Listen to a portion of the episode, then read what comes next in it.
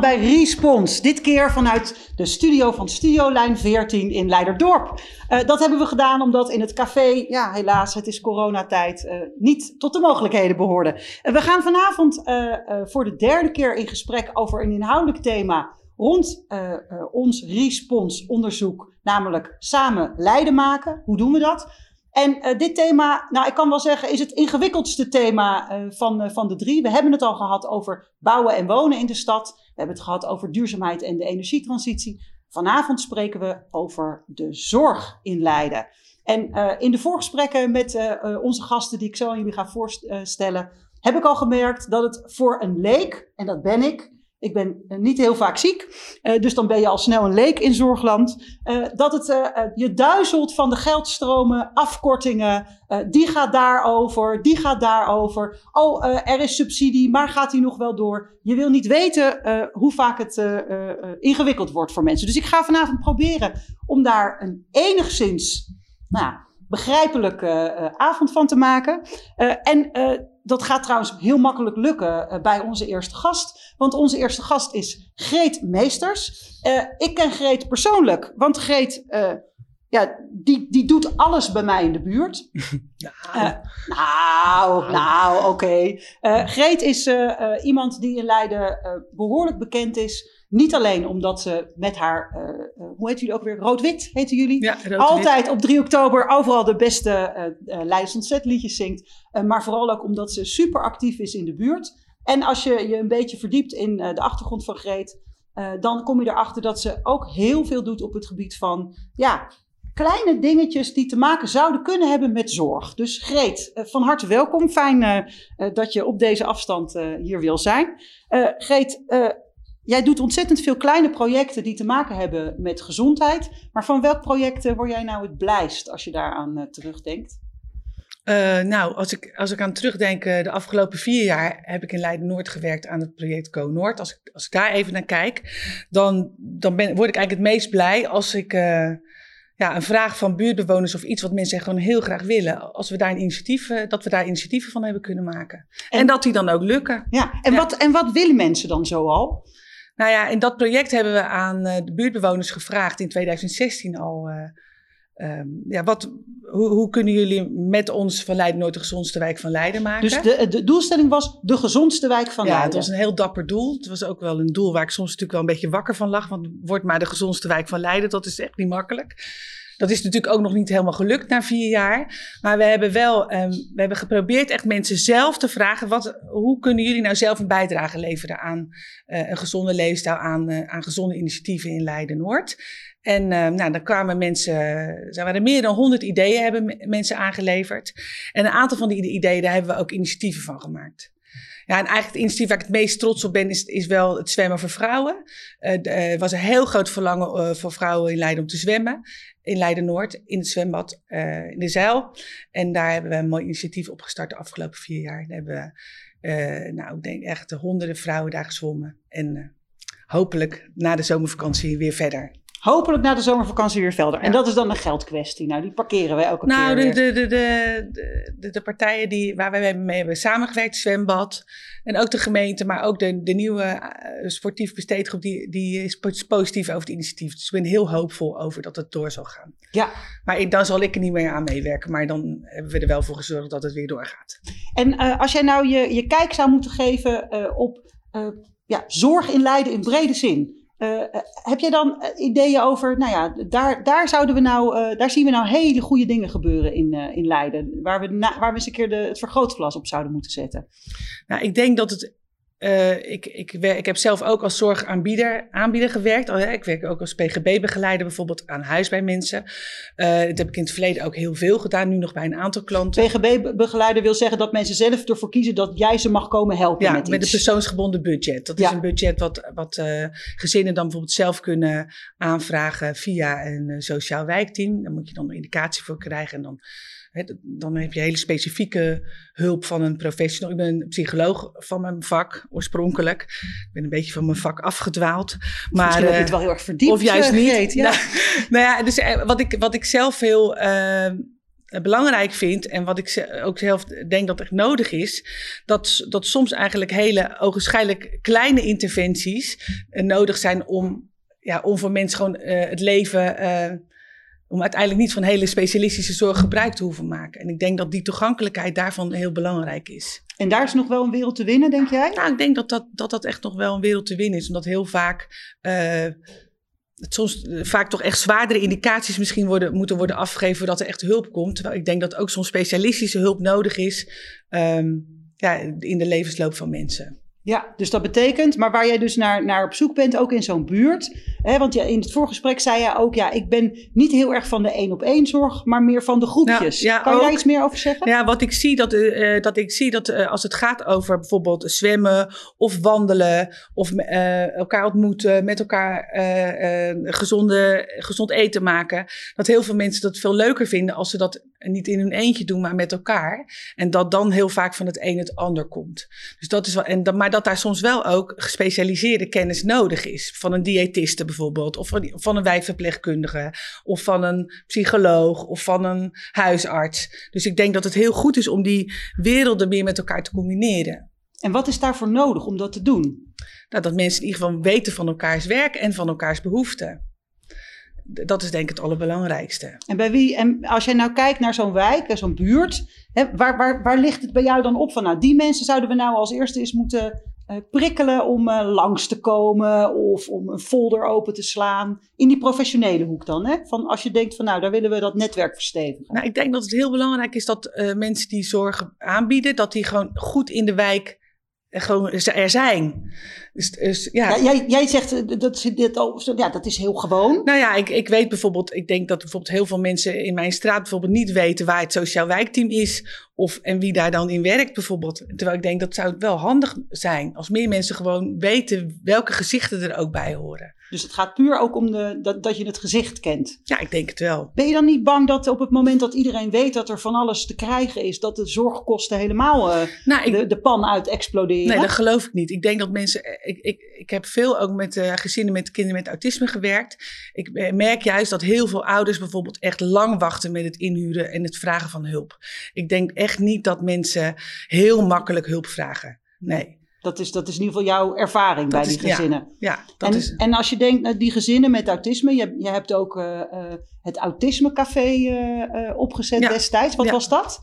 Dat is een dat is autisme, autismecafé uh, bestaat nog steeds in Leiden. Dat is een ontmoetingsplek waar ouders van kinderen met autisme elkaar kunnen ontmoeten. En waar ze ook op een hele laagdrempelige manier goede kennis uh, tot zich kunnen nemen. En vind je dat nou typisch zo'n voorbeeld van zo'n kleine interventie of is dat weer wat anders? Ja, het is een ogenschijnlijk kleine interventie, maar waar je wel uh, professionele kennis, maar ook ervaringskennis van ouders bij elkaar brengt. Maar wel specialistische kennis, die ze niet in de buurt kunnen halen. Dus soms dus heb ik je. hoor jou de hele tijd het woord specialistische kennis. Uh, nou ja, daar, zit iets, dus in de buurt, meer nou, over. In de buurt, kijk, weet je, aan de ene kant moet je, ben ik, vind ik het belangrijk dat er laagdrempelige kennis in de buurt aanwezig is.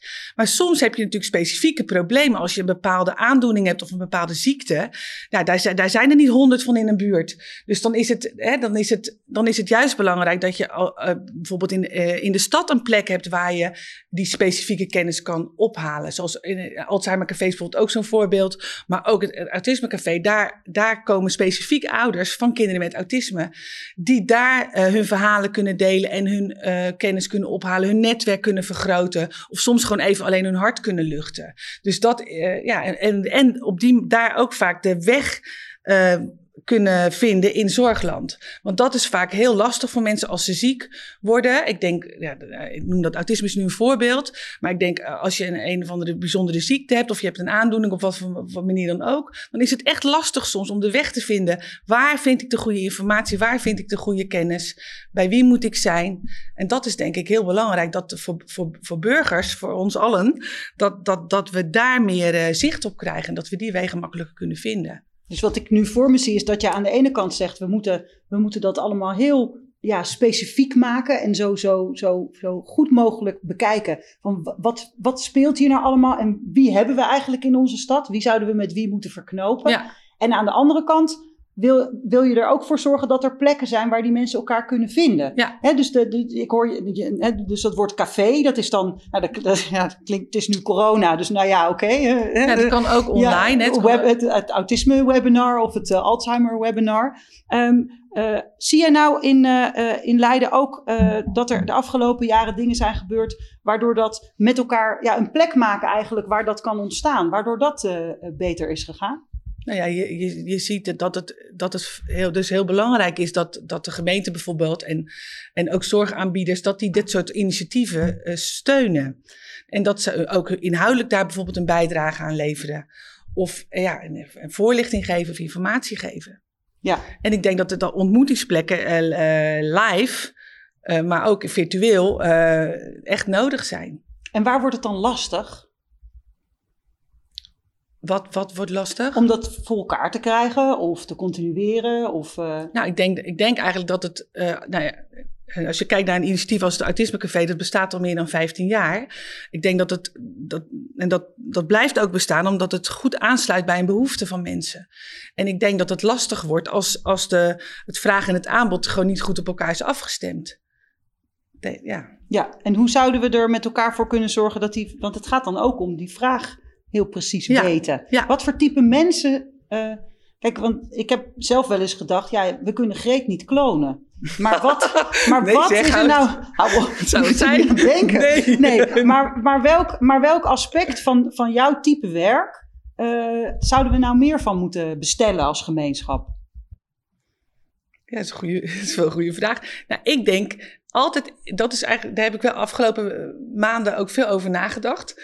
Eh, echt kijken wat de vraag van de mensen is. Dus dat zie je, eh, dat, dat is wat ik zowel in mijn werk in het Autisme Café, als, in de, als ook eh, in het project wat ik met Go Noord heb gedaan, steeds gekeken. En eh, waar hebben mensen behoefte aan en hoe kunnen we die behoefte vormgeven? En iedereen in de zorg denkt, of iedereen in de zorg, iedereen die nadenkt over zorg. Nou, zeker als je daarover de kranten leest, gaat het altijd over, nou ja, de kosten reizen de pan, het is Ja. te veel, te veel, te Ja. veel. Zie jij dan ook plekken waar, waar, eh, eh, waar, er min- minder, waar we met minder zorg toe kunnen? Ehm, het hangt ervan af wat je onder zorg verstaat. Mhm. Dat hadden we net Mag ook. jij zelf kiezen? Nou ja, ik denk, ik denk dat er soms. eh, dat je soms slimmer om kunt gaan, zeg maar, met bepaalde voorzieningen. Zoals bijvoorbeeld. Ik, ik heb nu een recent voorbeeld. Mijn schoonmoeder was ziek en die, die had een rollator nodig en een fysiotherapeut. Dat ik dacht, eh, er waren een aantal mensen in haar woongroep die hadden ook allemaal fysiotherapie nodig. Dat ik dacht, nou, als er nou iemand eens even al die vragen bij elkaar zou verzamelen, dan kan daar gewoon één fysiotherapeut twee uur naar die, naar dat, naar die woongroep komen. draaien. En dan, is het, dan, dan hoeft niet al die mensen moeilijk met vervoer naar die fysiotherapiepraktijk. En dan, dan, dan kunnen we volgens mij daar wel kosten besparen. Ja. En dat gaat dus meer om slim organiseren. Ja, ik denk dat, je, dat we eigenlijk eh, dingen eh, anders moeten organiseren. Soms anders moeten organiseren, ja. En, eh, en, en het aspect van dan weer hè, die specialistische aan elkaar knoopclubjes, waar je kleine netwerkjes maakt, waar dan nou ja, de zorgvraag en aanbod beter op elkaar kan worden afgestemd. Die, daar daar zijn, werken we aan. En dan in die buurten. wa- wa- Want eh, hè, hoe, hoe gaan we nou? Want iedereen roept, ja, ik ga toch niet de billen van mijn buurman wassen. Dan is het, klassie, Nee. het klassieke. Nee, Ja, nou, heb ik best een leuke buurman, maar ja. Nee, nee, nee. Het, het, en, heel veel mensen willen dat natuurlijk ook Nee, helemaal niet. nee. En heel veel mensen willen ook eh, niet, maar die willen wel, eh, maar heel veel mensen willen ook wel zor- voor elkaar zorgen. Als het gaat over boodschappen doen, als het gaat over, nou ja, misschien nadenken over een fietsenhok waar er wel allemaal scootmobiels in passen. eh, en die dan niet net zo duur is, eh, ve- drie keer zo duur is als een parkeerplaats. Dus ik denk dat er soms ook hele praktische oplossingen zijn waar mensen elkaar echt wel willen helpen. En hebben we daar dan gewoon meer klassieke opbouwwerkers bij nodig om dat voor elkaar te krijgen in buurten? Nou, wel als die dat als opdracht krijgen. En oké, als die die houden we even vast. Ja. Want eh, zometeen gaan we ook nog eh, wat opdrachtgevers spreken. Maar ja, het is de zorg, het is de vraag natuurlijk, sommige dingen ga- kun je, ga je pas doen ehm, op het moment dat er natuurlijk een probleem zich aandient. En soms, hè, soms kun je, eh, hè, je gaat pas nadenken over waar laat ik mijn scootmobiel als je er een nodig hebt. Maar je, je kan natuurlijk ook in een wijk kijken van hoe is die wijk opgebouwd en eh, wat voor doelgroep woont daar nu. En hoe, k- hoe, hoe, wat voor soort zorgvragen zullen die hebben over tien jaar? En dan daar bijvoorbeeld ook de omgeving gewoon anders op inrichten. Ja. Nou, Daar moeten we ons nu eigenlijk al zorgen over maken. of, eh, en niet alleen zorgen over maken, gewoon over nadenken hoe je dat dan gaat vormgeven. Ja, en, en hoe, doe, hoe, hoe, doe je, hoe zie jij dat voor jezelf eh, de komende tien jaar? Ja, dat vind ik. Nou, daar, moet, daar is een werk aan de winkel. Want er is in onze straat nog geen plek voor mijn scootmobiel. En ook niet in de gang van mijn uh, huis. En ik hoop over tien jaar daar ook nog niet in te zitten trouwens. Maar je weet maar nooit. Je weet maar nooit. Ja, nou, en, en, en tot slot, heb jij nou in de buurt ook, want we, we zitten in ingewikkelde tijden, mensen kunnen hun huis niet uit.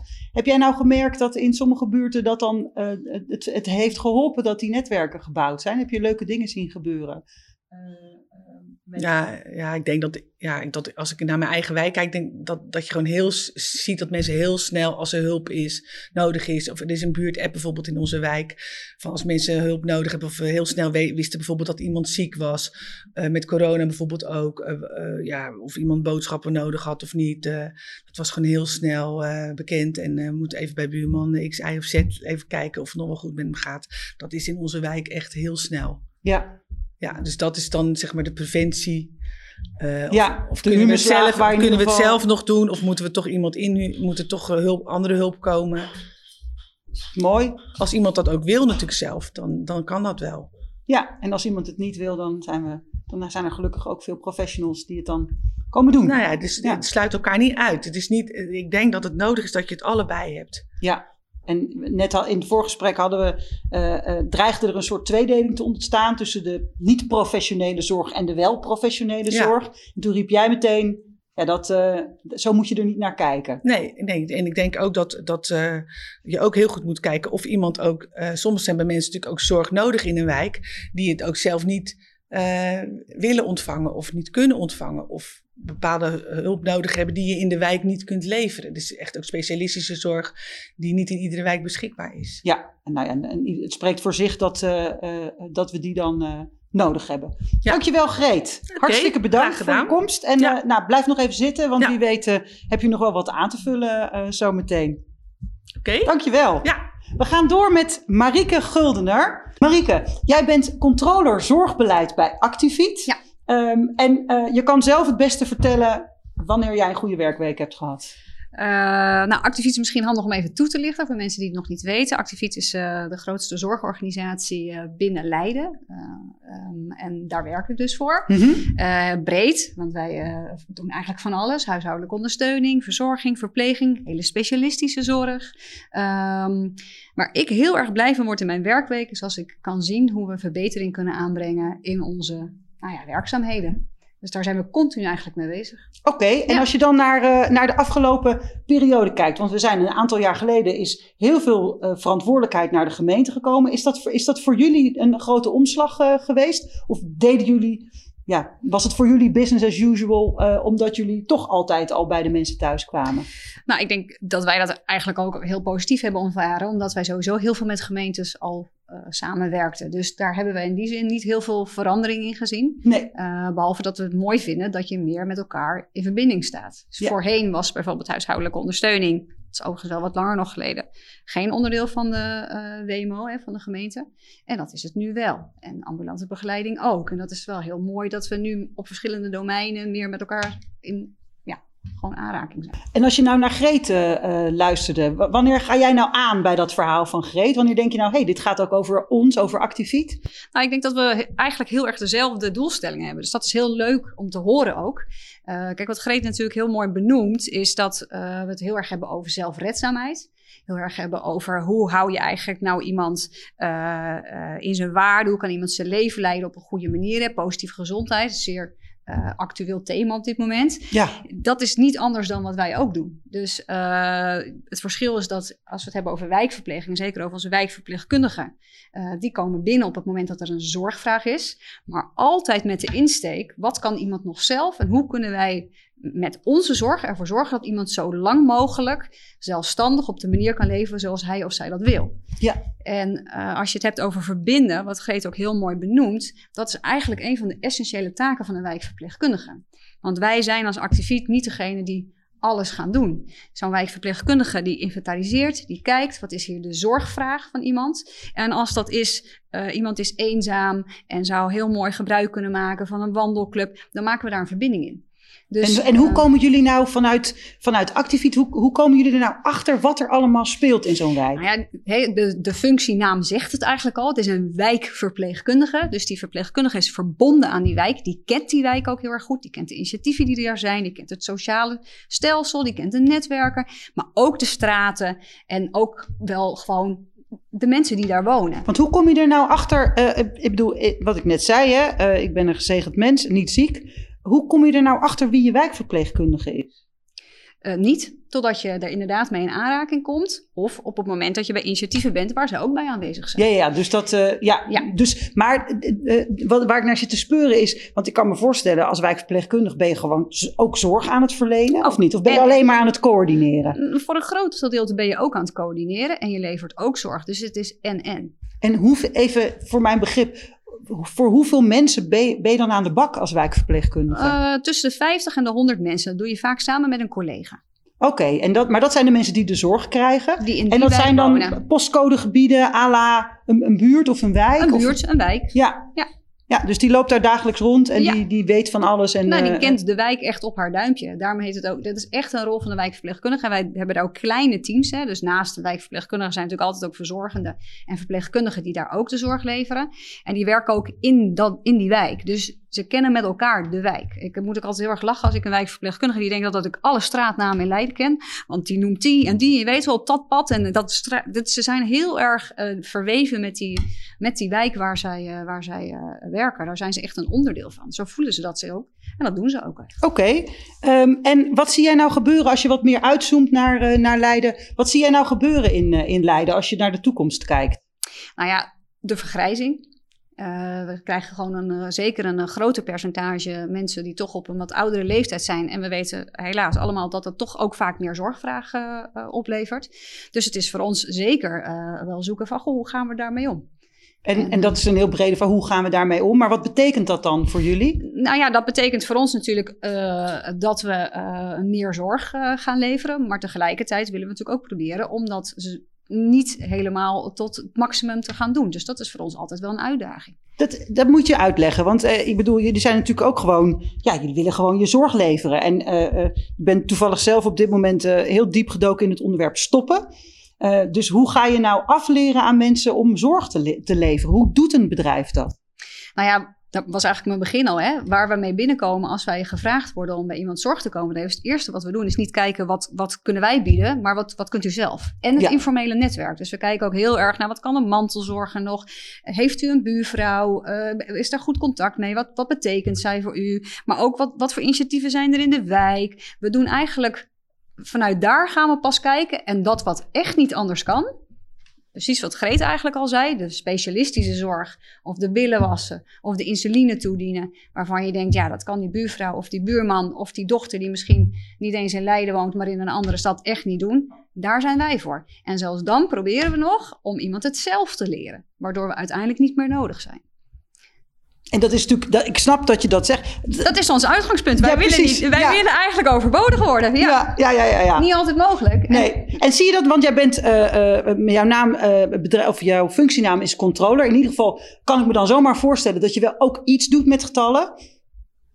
Ja. Zie je nou, zie je nou ook dat de, de zorg per persoon afneemt in Leiden? Doordat we hebben ingezet op preventie en samenwerking en initiatieven en de hele mikmak? Ja, maar ik denk wel dat we door middel van positieve gezondheid daar nog een betere resultaat aan kunnen krijgen. En wat zou er nou nodig zijn om, om dat ook voor elkaar te krijgen? Wat mist er nou nog echt in Leiden? Nou, ik denk dat we wel veel meer op leefstijl uh, uh, in moeten zoomen. Hè. Wat, wat, wat je toch wel ziet is dat we ook wel gewend zijn om zorg te willen leveren. Dus op het moment dat je bij een huisarts komt en je hebt diabetes, om daar dan een medicatie voor in te schakelen. En dat we dan komen om inderdaad misschien te prikken en dergelijke. Terwijl met bewegen en, en, en gezond gewicht kun je ook mogelijk maken dat er eigenlijk helemaal geen zorg meer nodig is. Ja. En daar zijn we wel heel erg op dit moment. En dat is wel iets wat denk ik van het laatste jaar twee jaar steeds sterker op, opkomt van hoe ga je dat nou doen? En, en heb je dan, uh, zit ik gewoon heel praktisch te bedenken van jij zit de, de, met je collega's te kijken, nou dat, dat willen we. We willen inzetten op uh, minder insulinegebruik. Is dat dan ook een indicator waaraan jullie kunnen zien of je of je, je werk goed doet? Kun je nou gewoon zeggen, nou, deze mevrouw of nou, dit cohort, of hoe werkt dat? Nou ja, wij doen meerdere dingen. Hè. Bijvoorbeeld, uh, wij draaien bijvoorbeeld ook spreekuren bij dak- en thuislozencentra, waardoor we proberen door een spreekuur te draaien dat iemand laagdrempelig advies te vragen, geen bijvoorbeeld een teen die ontstoken is, uiteindelijk een veel grotere wond krijgt. dus dat is ook een stuk preventie. En dan gaan we er gewoon zitten en dan hoef je geen afspraak te maken. Dus dat is een stuk. Maar wat we ook doen is bijvoorbeeld bijvoorbeeld in Leiden is het project Positieve Gezondheid. Dat met name mensen die uh, helpen met leefstijl. En dat doen we gezamenlijk met begeleiding. Dus dan komt de wijkverpleegkundige samen met iemand die begeleidt. Uh, om te kijken van, hey, zouden we hier andere interventies kunnen zetten? Dus we komen hier nu niet om de insuline. Ja, nu misschien wel. Maar we gaan tegelijkertijd met u kijken. Wat kunnen we doen om u te helpen uh, om gezonder te leven. Waardoor dit op termijn misschien helemaal niet meer nodig is. En ik heb altijd begrepen dat het heel erg moeilijk is. Uh, dan gaan we toch een klein beetje aan dat geld uh, snuffelen. Dat het ontzettend moeilijk is uh, om preventieprojecten gefinancierd te krijgen. Ten opzichte van bijvoorbeeld, nou ja, snij er maar in of doe maar iets met geneesmiddelen. Ehm, ja, dat ervaar ik niet helemaal zo. we merken wel dat de gemeente, maar ook onze zorgverzekeraar daar wel heel erg op, aan, op inzet. En daar ook zeker wel voor open staat om dat uh, met ons te doen. Dus misschien dat we uh, bevoorrecht zijn in Leiden, maar ik ervaar dat niet helemaal zo. Nee, dus als jullie een goed idee hebben om uh, ervoor te zorgen dat er minder zorg nodig is, ja, dan, je zult het kunnen moeten dan, dan, dan, dan, doet zo'n zorgverzekeraar die investering wel. Dat, als jij met een goed project komt, wel. Zeker. Ja. Ja, ik ga, heel, ik ga heel even naar Greet, want da, dat verhaal kwam van ja, je kan volgens mij gewoon aanschuiven. Want daar ben ik dan wel nieuwsgierig naar, dus dan kunnen jullie ook even, want anders dan gaat het allemaal via mij. Ja, en ik, wat ook wel heel belangrijk is, wat ik wel even nog wil benoemen, is dat bijvoorbeeld, want dat noemde jij ook al heel netjes, Greet, het Alzheimer Café. Uh, case managers DMC vervullen bijvoorbeeld ook een hele grote rol. En die zitten ook heel erg in de begeleiding en ook in de preventiekant. En wie, wie, van wie zijn de case managers Die zijn bij ons werkzaam. Oké. En zij, uh, wat Greet heel mooi noemde, het is vaak een weerwar voor mensen van wat heb ik nodig, waar kan ik het vinden, welke wegen moet ik behandelen, wandelen. Uh, dat doen zij heel erg goed in helpen. omdat die uitgangspunt is, iemand kan zo lang mogelijk thuis blijven wonen, maar dan moet het voor de mantelzorg ook zo lang mogelijk houdbaar zijn. dat zijn ook eigenlijk wel medewerkers die heel erg op die preventie zitten. Om te ondersteunen van hoe zorg ik nou dat ik zo lang mogelijk toch uh, gezond, of zo gezond mogelijk thuis kan blijven wonen. Ja, dus dat zijn ook type mensen. Ja. Greet, ik vroeg jou aan tafel uh, omdat het ging over hoe zorgen we er nou met elkaar voor uh, dat, nou ja, dat, dat er alleen maar zorg nodig is waar je echt beter van wordt en, en niet waar je slechter van wordt. Dus, dan, hè, dus hoe, hoe gaan we inzetten op preventie? Ja, ik denk het agenderen van de gezonde leefstijl is echt heel belangrijk. Uh, en en ja, jij noemde net ook als voorbeeld van de positieve gezondheid. Dat concept is natuurlijk. Dat moet, wat mij betreft mag dat echt nog veel meer handen en voeten moet je, Daar kan je vast heel, heel kort iets heel ja, wervends eh, over dat vertellen. Is, nou, dat is een uh, concept dat door Machtel Huber geïntroduceerd. Uh, al, al 30 jaar werkt zij aan dat concept. Is nu een landelijk instituut.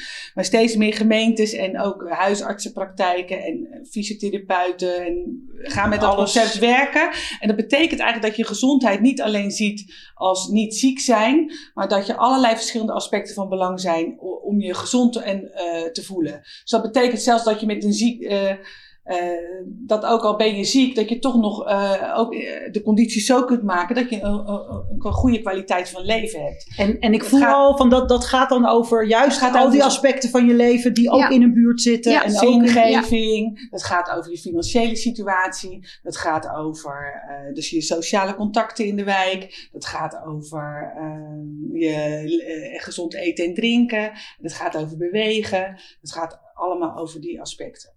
Je kunt je voorstellen dat iemand die bijvoorbeeld enorm in de schuldproblematiek uh, zit, die komt misschien wel maandelijks bij de huisarts omdat diegene migraine heeft of maagzuur of nou ja, allerlei klachten die van die stress ontstaan zijn. En wat we doen is iemand dan van die migraine afhelpen door misschien medicatie toe te schrijven, maar eigenlijk het probleem waar het ligt blijft ja. bestaan. Dus deze klachten blijven voor deze uh, burger ook gewoon bestaan. Dus dat wil je eigenlijk niet. Je wil iemand eigenlijk helpen daar bij de kern. En dat is positieve gezondheid. Je pakt aan dat wat daar belangrijk is. En wordt dat nou, en, en is dat nou, moet je dat soort uh, beweging nou bevechten op het systeem? Of lokt het systeem dat ook wel uit om, om daar met elkaar aan te werken? Want ik kan me zomaar voorstellen dat nou ja, ik hoor, al alle, ik hoor alleen maar coördinatieproblemen, zeg maar. Hè, die moet met die en, en, dat kan heel mooi zijn, maar ook heel veel gedoe. Lokt dat systeem dat nou uit? Dat je, dat je positieve gezondheid als uitgangspunt neemt?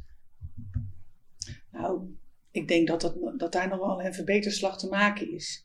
Heel veel, uh, ja, ik denk dat er heel veel zorgverleners bijvoorbeeld pas zorg kunnen verlenen op het moment dat zij een indicatie hebben. En dat die indicatie wordt afgegeven op het moment dat je echt ziek bent.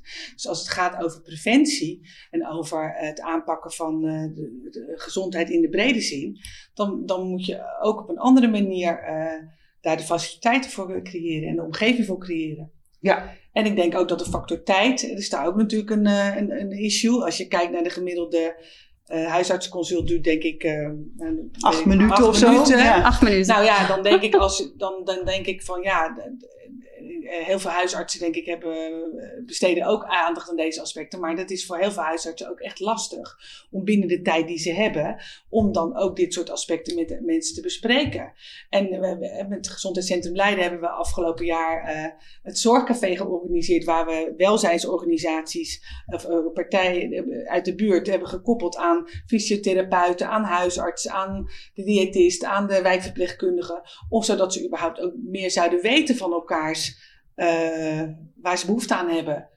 Eh, omdat de huisartsen soms ook gewoon niet weten wat er nou zich allemaal afspeelt in een buurt. Welke initiatieven er allemaal zijn. Of je daar naar een wandelclub kunt gaan of kunt zwemmen.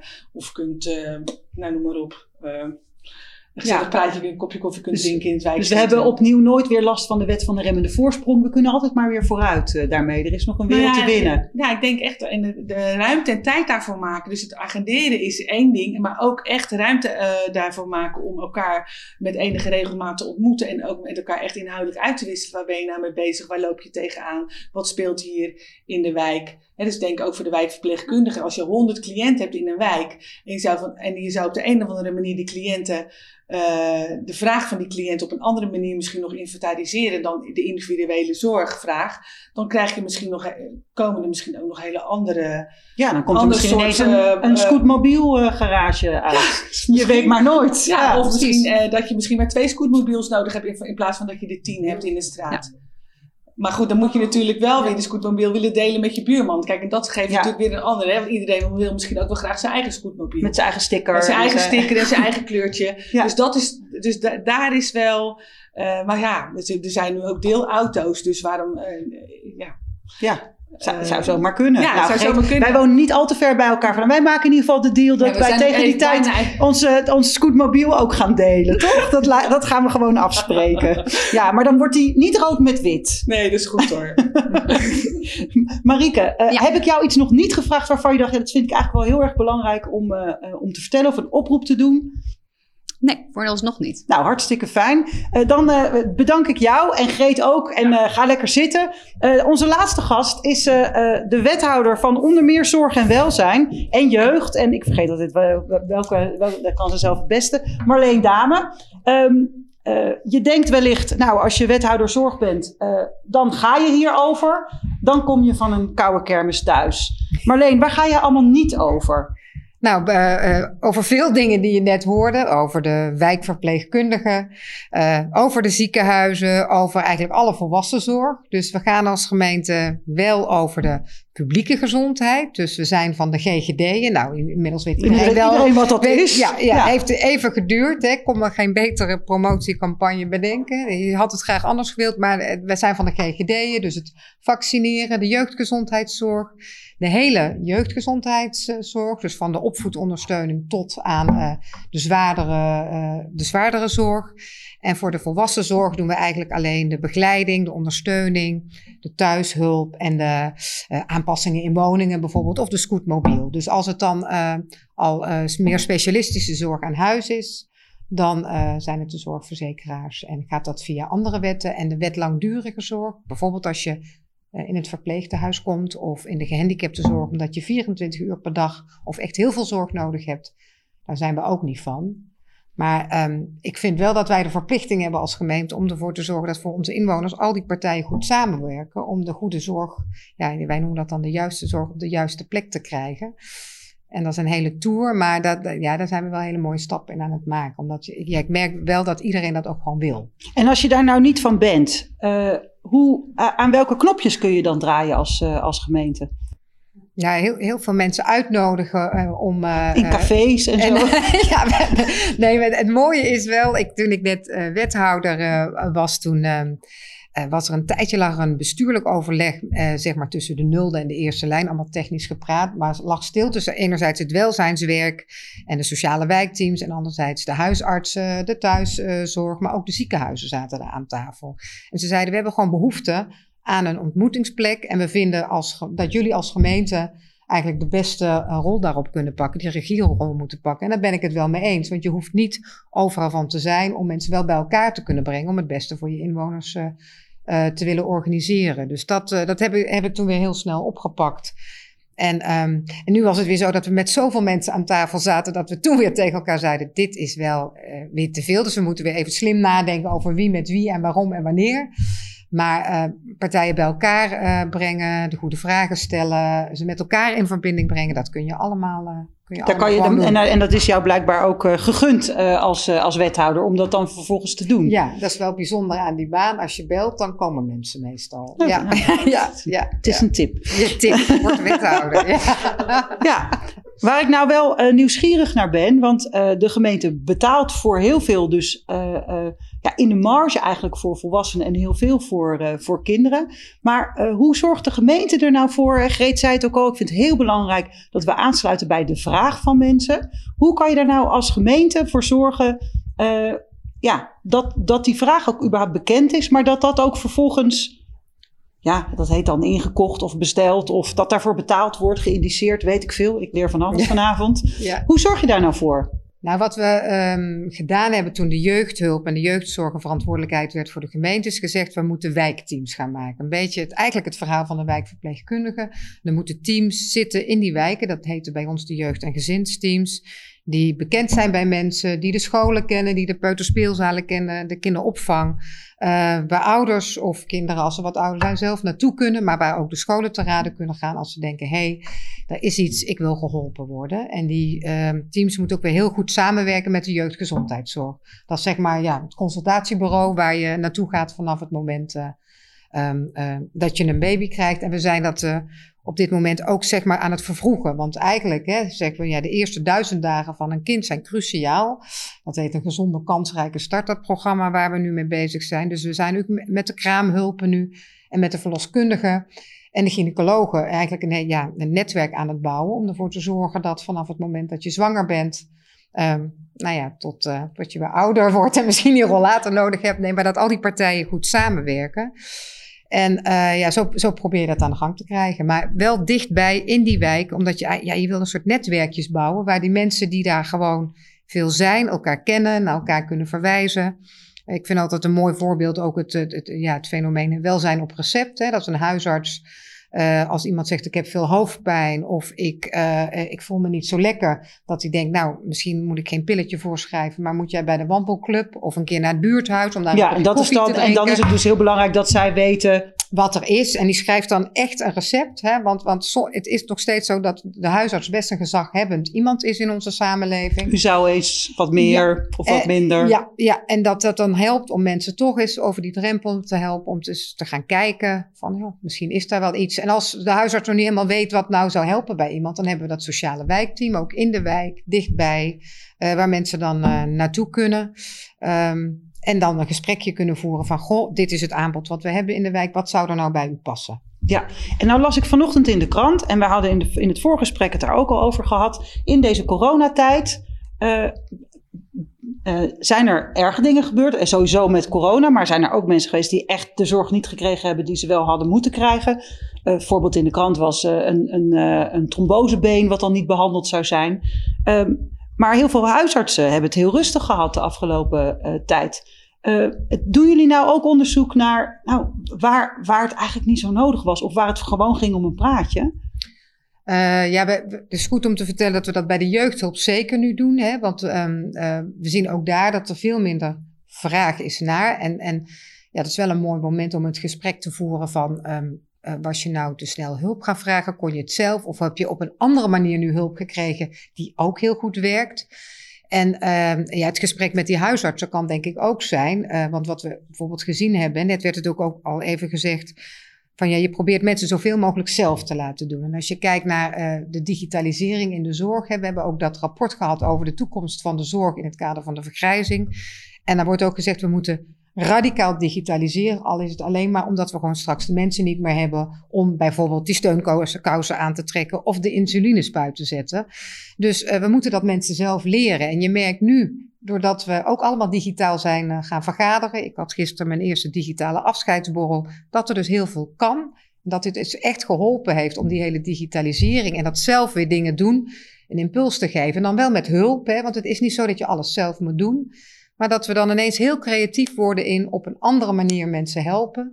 Uh, waar dat eerst nog best wel moeizaam ging. Dus ik denk dat dat echt wel geholpen heeft. En dat uh, ja, um, zo'n crisis ook het moment is waarin je met elkaar het gesprek moet hebben van, um, uh, nou wat, hè, ja, is de, achter, de, de vanzelfsprekendheid ja. is er dan even ja, af. Je, je doorbreekt patronen, want je ontwikkelt gewoon met elkaar patronen over hoe je je werk doet, hoe een huisarts doorverwijst. Er komt iemand met een bepaalde klacht, bijvoorbeeld een jongere, en verwijst altijd door naar dat. Kan nu niet meer, omdat die patronen even overhoop liggen. En dat is ja, een heel goed moment om na te denken van, nou, dit, dit zijn goede, mooie nieuwe dingen, daar kunnen we van leren. En er is ook gewoon achtergestelde zorg die je als de wiede weer gaat weer moet gaan leveren. Omdat het anders gewoon niet goed gaat uh, ja, met mensen dat, alleen thuis. Precies, we suggereren hier niet dat, uh, nee, dat hoor, het ook nee. allemaal met een ui over de bol en nee, maar het is echt, klaar is. Ja, ja. Ik ben er echt voor om nu te gaan kijken van, god, die dingen die we eigenlijk al een tijdje wel wilden. Um, en, en die nu versneld moesten. Hoe gaan we dat nou niet meer een pilot of een experiment maken, maar gewoon... Um, Structureel bestellen. Ja, ja gewoon ja. Het, nieuwe patroon maken waarin we lopen. En hoe kan je nou als gemeente uh, um, hè, uh, in het verhaal van, uh, van Geet en van Marieke zat heel erg van... je moet ervoor zorgen dat zo'n zo'n buurt ook... Hè, dat niet alleen die professionals elkaar kennen, maar dat die professionals de buurt ook kennen. hoe kan je dat nou ja, is het duwen met een touwtje? Kan je, kan je dat inkopen? Hoe werkt dat? Ja, dat, dat schrijven wij. Wij, wij kopen, eh, wat dat betreft, je hebt de zorgverzekeraars en je hebt de gemeente. En samen kopen wij heel veel zorg in. Dus we hebben ook heel veel gesprekken met hen van wat doen jullie, wat doen wij. Zodat mensen er niet zoveel last van hebben dat er twee systemen zijn. Nu staat nog een wereld te winnen, maar we, doen, uh, we zijn ermee bezig. Ja, dus je, je, je bestelt het wel, zoals jij dat altijd zo mooi zegt. Um, maar je merkt dat dat niet altijd vanzelf gaat. Dus alleen zeggen, u zult samenwerken. Um, dat wordt hem niet. Want uh, hoe graag we dat dan ook willen. Dus wat wij proberen is, zeg maar, over de sectoren heen dan plannen van, van partijen te vragen. En te zeggen, uh, we willen niet per se dat je dat levert, hè, dus die zorg. Maar we willen dat er maatschappelijk resultaat bereikt wordt. Bijvoorbeeld, ik, ik ben erg fan ook van het hele concept van. Uh, van positieve gezondheid. Je bent namelijk veel meer dan de ziekte of je gebrek alleen. Je bent gewoon een mens in, in, met alles wat daarbij hoort. En er zijn zoveel manieren om je leven prettiger te maken. Dat wij ook, uh, nou, we hebben dan, ja, in, in, visies kun je echt niet wonen en daar word je ook niet beter van. Maar het helpt ons wel om ons heel erg te richten in de gemeente. We hebben een visie sociaal domein waarbij we die we hebben opgebouwd rond dat thema van positieve gezondheid. En waarbij we zeggen, ja, wat je ook doet als hulpverlener of zorgverlener in onze stad, je moet altijd kijken naar het totaalplaatje van, van waarin iemand woont. Hè? Want als er heel veel stress is en heel veel schulden. Ja, wat uh, Marie dan, dan, ja, dan moet je niet naar de huisarts, dan moet je naar de stadsbank. Dus wij ja. zijn nu bijvoorbeeld ook met de huisartsen bezig. En, um, maar laatst ook uh, met het LUMC. Van ja, weet je, misschien dat jij wel eens mensen krijgt uh, met hartklachten, met rugpijn, met wat dan ook, die grote schulden hebben. En natuurlijk moet je het acute probleem wegnemen. Maar als je iemand daarna naar huis stuurt en je hebt de achterliggende oorzaak niet opgelost.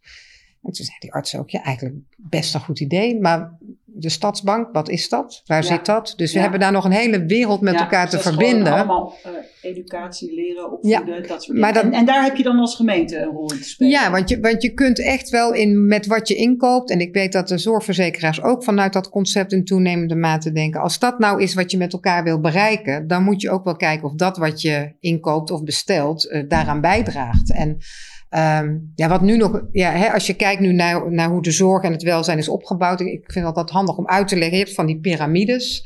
Met daarin de basis, hè, dat is ons onderwijs, onze cultuur, onze, onze sociale activiteiten, de sport. Eigenlijk alle, de, de openbare ruimte in de stad die uitnodigend en groen en gezond moet zijn. Al die mooie dingen wil je met elkaar goed regelen vanuit de overtuiging dat als dat goed is, mensen waarschijnlijk minder aanspraak maken op die duurdere zorg. Maar als je kijkt in het zorglandschap, en dat is ook een, een, een onderwerp echt wat voor de volgende verkiezingen op de agenda komt, is dat we heel veel betalen aan die duurste, aan die paar mensen die hele dure zorg nodig hebben. En relatief, relatief heel weinig aan die preventieprojecten van het gezonde eten, leefstijl, een, een gezonde omgeving creëren op scholen voor kinderen. Eigenlijk is daar maar heel weinig geld voor beschikbaar. Ja, want, want, je moet eerst heel ziek worden om, om, om, veel geld te krijgen. En, en, of ja, krijgen of kosten. Of kosten, ja. ja. maar het is, het is wel zo, het, ons systeem is zo verhang. Is, nou ja, hoe erger het wordt, uh, ja, hoe, hoe makkelijker het ook is om, uh, om ja. voor betaald te krijgen. En, maar want ik, ik, ik ga, wat mij opvalt, en dat is natuurlijk ook omdat zorg lijkt altijd goed. Um, waar, zit nou de, waar zitten nou de dilemma's en de keuzes? Wanneer gaat het nou pijn doen? Ja, een, een van, de, um, uh, van die dingen in die visie, maar ook rond het concept positieve gezondheid, is dat je uh, vanuit het normale leven van mensen moet gaan denken over wat is gezond of niet. Hè? En, en uh, zodra er iets is met mensen, maken we ze patiënt in plaats van inwoner of gewoon mens. En volgens mij moeten we heel erg terug naar, ja, soms heb je iets namelijk en moet je daar ook mee leren you leven. That, you have that now. You have that now and learn to live with it. En dat zijn we een beetje kwijtgeraakt volgens mij. Dus, dus wij noemen dat in de jeugdhulp ook heel erg het normaliseren. We hebben op dit moment bijvoorbeeld in Leiden één op de negen kinderen die jeugdhulp krijgt. En ik geloof gewoon niet dat er zoveel aan de hand is met onze jongeren. Maar is het niet ook omdat we gewoon heel veel jeugdhulp noemen? Nee, nee, nee, nee, want het is echt veel meer dan een paar jaar geleden. Dus je ziet dat dezelfde interventies we nu veel vaker doen, bijvoorbeeld uh, begeleiding in de GGZ. En dan denk ik, ja, dat kunnen we dan jeugdhulp noemen, maar hebben we als samenleving niet met elkaar iets op te lossen.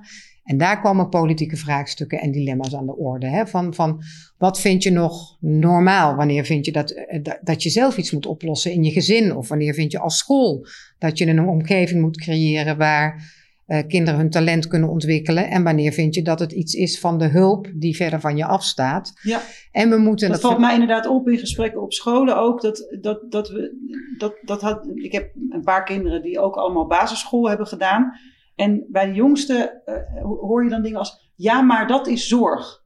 En volgens mij zeiden we dat gewoon niet. Nee. Vijf jaar geleden. Ja, maar dat is zorg. Ja, en dat, ja, dat is toch door die gescheiden systemen. En dat weer, wil je eigenlijk weer uh, ja, tot één geheel maken. En ja. dat is best wel lastig. Kost ook maar, heel veel geld. Ja, maar ik denk wel dat we daarna terug moeten. En ook um, nou daar met elkaar keuzes in moeten willen maken. Van wanneer moet je. Ja, het gaat echt om de vraag: wanneer vind je nog maar gaat het dat je het zelf kan doen. Gaat het dan ook over vragen heel plat als uh, van uh, uh, wilt u nou liever dit, bijvoorbeeld ondersteuning bij ingewikkelde kinderen, of liever een uurtje extra steunkous? gaat, het, gaat het daar dan ook over? Nee, in, eigenlijk, in, de wijk, zeg maar? Hè? Nee, nee, nee, gelukkig niet. Ik, ik zou ook echt niet willen dat mensen voor die keuze komen te staan. Maar we hebben nu in, bijvoorbeeld in de, in de gemeenteraad straks weer, gaat, gaan we de begroting bespreken. Um, zien we dat er tekorten zijn in het sociaal domein. En dan gaan we binnen dat sociaal domein waarin de jeugdhulp zit en de WMO en uh, de jeugdgezondheidszorg ja, moeten we wel gaan kijken. Uh, want je kan ook zeggen, we, we, halen het allemaal uit de duurzaamheidspot. Maar mensen willen ook gewoon een groene, gezonde stad. Ja, wat, wat, wat vinden we nou belangrijker? En waar, hè, waar zijn we nou bereid om de vraag nog eens te stellen? Moeten wij dat als collectief betalen? Of, of kan dat op een slimmere manier georganiseerd worden? En waar vinden we dat onbespreekbaar? Want dat, hè, bedoel, dat onderscheid kun je ook maken. En ik hoop dat het ons lukt om steeds meer te investeren in die basis voor iedereen, zodat die gezonde leefstijl. Hè, um, ja, je merkt het nu hè, tijdens corona hoe fijn het is als je in een buurt woont waar je heel snel een ommetje kan maken in het groen. En ja, dat moeten gewoon alle mensen in je stad altijd kunnen. Want als ze niet veilig op straat kunnen, of als je kinderen niet veilig op straat kunnen spelen, ja, dan komen ze niet buiten, gaan ze minder bewegen. Dus dat soort van zelfsprekendheden moet je volgens mij heel goed organiseren in je stad. Daar zou ik dus niet snel op bezuinigen. In de hoop dat dat uiteindelijk uh, later bespaart. En, en vaker de vraag aan mensen stellen: um, kan je het zelf oplossen? Kun je het misschien ook zelf betalen? ehm, ik, en ik weet niet precies waar die knip ligt, maar ik weet wel dat die vraag op ons af gaat komen. En misschien niet dit jaar, maar ehm, over een paar jaar echt, ook vanwege de vergrijzing. Ja, en soms uh, zeg ik, is het niet het geld, maar gewoon de mensen die we niet meer hebben om al die zorg uh, te verlenen. En wordt een grote, grote oorzaak van de, van de wachtlijst in de jeugdgezondheidszorg. Um, want, hè, dus de raad heel kritisch op bij mij, dat snap ik supergoed. Is dat ik zeg, ja, maar ze hebben wel het geld, maar niet genoeg psychologen en psychiaters die die kinderen kunnen helpen. En uh, ja, daar, daar, moeten we wel wat mee. Ja, maar dat zijn inderdaad de, dus dat zijn de grotere opgaven voor het Heb ik ja. nog iets niet gevraagd waarvan je dacht, nou, daar gaat ze vast over beginnen? Nee. Goeie vraag nou, gesteld. Hartstikke bedankt uh, Marleen Dame. Ook ontzettend bedankt uh, Greet Meesters. Uh, en natuurlijk ook Marike Guldener, bedankt voor de komst. En er volgt in de Respons nog een laatste afsluitende podcast. Dat doen we waarschijnlijk zonder camera's. en alle podcasts zijn te beluisteren op studiolijn14.nl schuine streep Respons. En daar kun je ook reageren. Wellicht tot de volgende keer en dankjewel voor het kijken.